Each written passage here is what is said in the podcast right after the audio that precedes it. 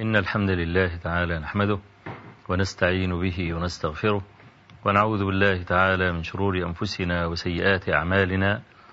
من يهد الله تعالى فلا مضل له ومن يضلل فلا هادي له. وأشهد أن لا إله إلا الله وحده لا شريك له وأشهد أن محمدا عبده ورسوله.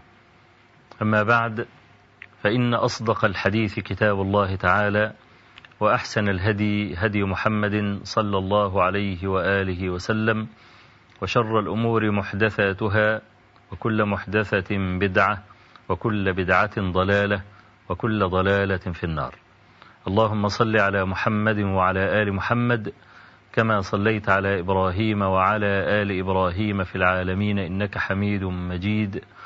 وبارك على محمد وعلى آل محمد كما باركت على إبراهيم وعلى آل إبراهيم في العالمين إنك حميد مجيد. من الذي امتدح البخاري؟ هتلاقي أن الذين امتدحوا البخاري أكثر الذين امتدحوا البخاري هم شيوخه. وطبعا مدح الشيخ للتلميذ هذا شيء عظيم. ليه؟ لأن الشيخ فوق والتلميذ هو الذي يرجو الشيخ ويرجو أن الشيخ يعطف عليه. مش العكس. يعني ما فيش لا مذلة ولا في حاجة لهؤلاء المشايخ أن أن يثني على تلميذ. لكن التلميذ في حاجة ماسة أن يثني عليه شيخ آه يقول أبو عمر سليم ابن مجاهد.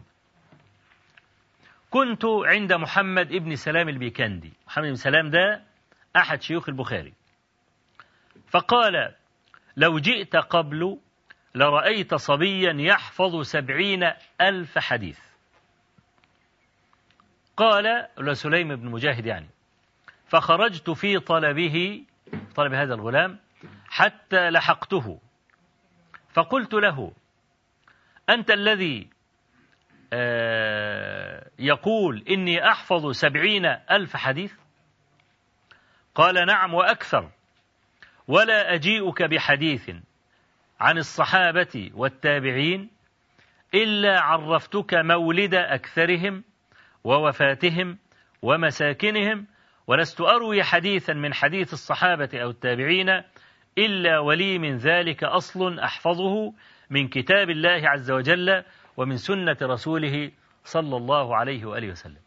هذا عند أي رجل مارس العلم ودرس آلة العلم يعلم أنه في غاية الصعوبة. إن مش مجرد الحديث السرد لا.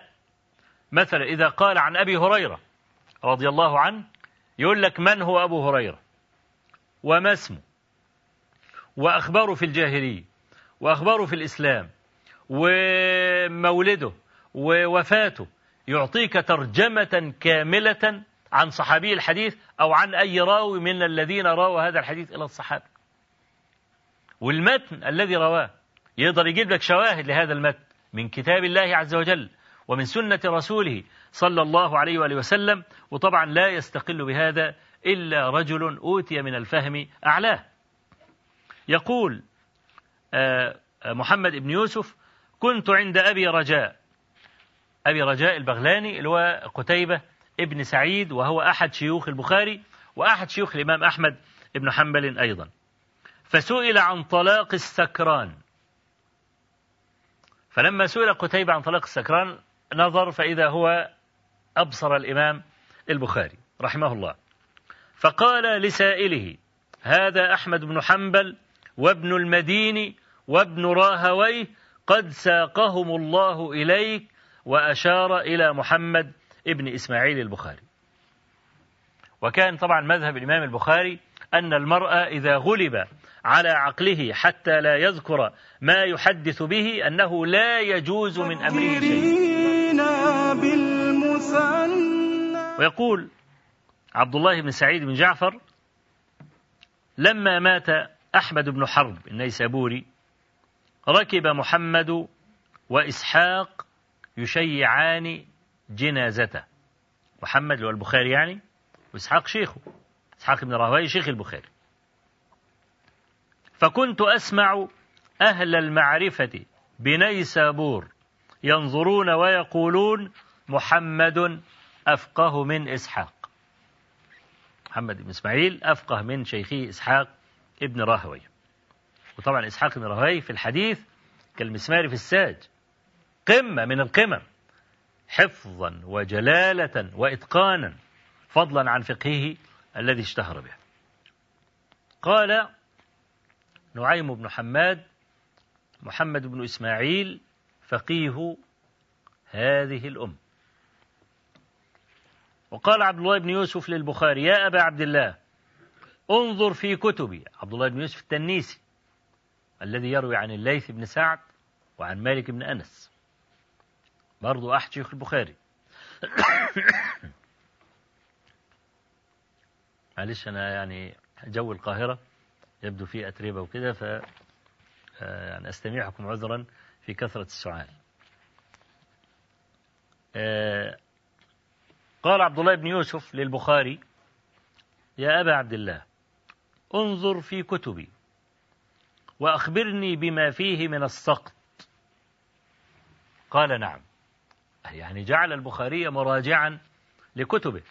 وما ذاك إلا لجلالة البخاري عنده وإلا لا يسمح أي شيخ للتلميذ أن يفعل بكتبه ما يشاء لأن قصة الكتاب قصة كبيرة. أي حد يقرب بس من الكتاب دي مشكلة كبيرة جدا. لعل إن شاء الله وإحنا يعني في تضعيف كلامنا عن الرواة. وإحنا بنتكلم في الأحاديث والكلام ده نجيب حاجات زي كده إن شاء الله.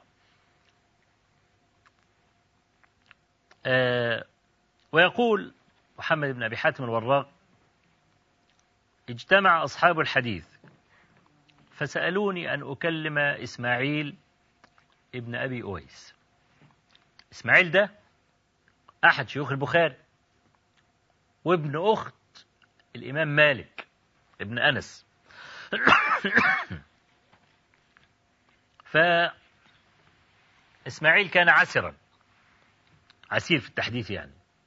عبال ما تطلع منه المعلومة يعني يذلك فالجماعة أصحاب الحديث عايزين يتوسطوا عايزين وسط لإسماعيل بن أبي ويس. فكلموا الإمام البخاري. إن هو يخلي إسماعيل يزودهم شوية في الإيه؟ في الحديث. قال ففعلت. ده البخاري بيقول يعني لما طلبوا مني كده فعلت. فدعا إسماعيل الجارية وأمرها أن تخرج صرة دنانير. وقال يا أبا عبد الله فرقها عليهم. كمان يعني زودنا في الحديث وكمان أديهم فلوس. فقلت له البخاري بيقول لشيخه إنما أرادوا الحديث مش عايزين فلوس يعني. قال قد أجبتك إلى طلبك بالزيادة. زيادة الحديث يعني غير أني أحب أن يضم هذا إلى ذاك ليظهر أثرك فيهم. يعني حتى شوف حتى بيرفع إيه؟ بيرفع الإمام البخاري. يعني حتى يظهر أثرك فيهم ويعلمون حظوتك عندي. نعم نعم. آه يقول أحمد بن عبد السلام قال ذكرنا قول البخاري قول يعني البخاري لعلي بن مديني ما استصغرت نفسي بين يدي أحد إلا بين يدي علي. نقلوا الكلمتين دول لعلي بن مديني. فقال علي ابن المديني وهذا شيخ البخاري أهو لسه كل كل المسألة دي اللي ما زلنا فيه في شيوخ البخاري. قال علي المديني دعوا هذا. يعني سيبكم من الكلام بتاعه. فإن محمدا ما رأى مثل نفسه. ده كلام عالي كلام عالي جدا. يقول محمد ابن أبي حاتم الوراق سمعت أبا عبد الله يقول اللي هو البخاري يعني ذاكرني أصحاب عمرو بن علي الفلاس بحديث. وعمرو بن علي ده برضه من شيوخ البخاري فضلا عن أنه كان ناقدا يعني ما كانش رأوي فقط إنما كان أحد نقاد الحديث وهو من العلماء المتكلمين في الرواة. يعني زي أحمد حنبل واحد معين والدرقطني والجماعة دول اللي هو يقول لك إيه فلان ثقة فلان كذاب فلان سيء الحفظ فلان مختلط إلى آخره. يعني رجل فضلا عن أنه راوية إلا أنه كان مميزا أيضا. فقعد البخاري مع أصحاب عمرو بن علي الفلاس اللي هم في طبق البخاري. وحدثوا بحديث. فالبخاري قال لا أعرفه. أي لا أعرف هذا الحديث. فسروا بذلك. الحلو. أول مرة ناخد على البخاري حاجة يعني. الحديث ما عرفوش يعني. فراحوا علي لعمرو بن علي فلاس بي يعني ببشروه يعني. بيقول له تصور إن الحديث الفلاني البخاري, البخاري مش عارفه؟ قال لهم كل حديث لا يعرفه محمد بن إسماعيل فليس بحديث. ريحوا نفسكم. اوعى تكون فاكر يعني إنك أنت جبت الدب من ديله ولا اصطدت حاجة كبيرة قوي البخاري لما يقول لك ما أعرفش الحديث ده اعرف إنه مش موجود. وده طبعا يعني فيه شهادة بالحفظ الكامل من مثل عمرو بن علي الفلاس للإمام محمد بن إسماعيل البخاري رحمه الله تعالى. آه يقول نقل برضه محمد بن حاتم الوراق عن علي بن حجر. علي بن حجر ده برضه من شيوخ البخاري.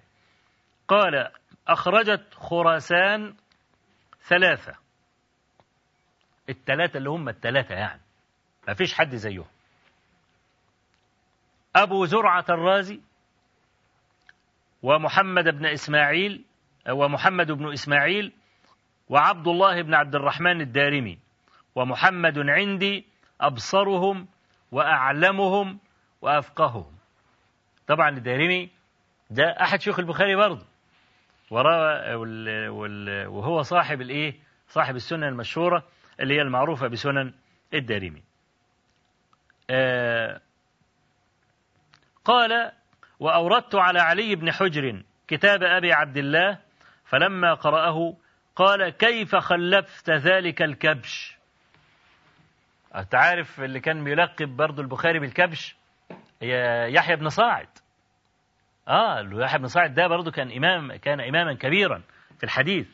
لما كان يذكر البخاري ما كان يسميه إلا الكبش النطاح. كبش النطاح ليه؟ لأنه إذا نطح واحد يسقطه أرضا. يعني لا يثبت له أحد في المناظرة ولا في المذاكرة. فشوف يعني علي علي بن حجر برضه لقبه بالكبش ويحيى بن صاعد برضه لقبه بالكبش. يقول عبد الله بن أحمد بن حنبل سمعت أبي أه شوف أحمد بن حنبل يعني يقول ما أخرجت خراسان مثل محمد بن إسماعيل. الحقيقة يعني ال ال ال الكلام في ثناء العلماء على شيخ البخاري كثير كثير جدا. وأنا لو يعني قعدت أقرأ أنا ما بجيبش كل حاجة أنا بفوت حاجات كتير. يعني إنما أنتقي بعض ما ذكره الإمام الذهبي من ثناء شيوخ البخاري رحمة الله تعالى والله عز وجل أسأل أن يجعل ما قلناه وما سمعناه زادا إلى حسن المصير إليه وعتادا إلى يمن القدوم عليه إنه بكل جميل كفيل وهو حسبنا ونعم الوكيل وصلى الله وسلم وبارك على نبينا محمد والحمد لله رب العالمين وأعتذر أيضا مرة أخرى هذا السؤال الذي يعني اضطررت إليه وأسأل الله أن يعافيني وأن يعافي مرضى المسلمين والحمد لله رب العالمين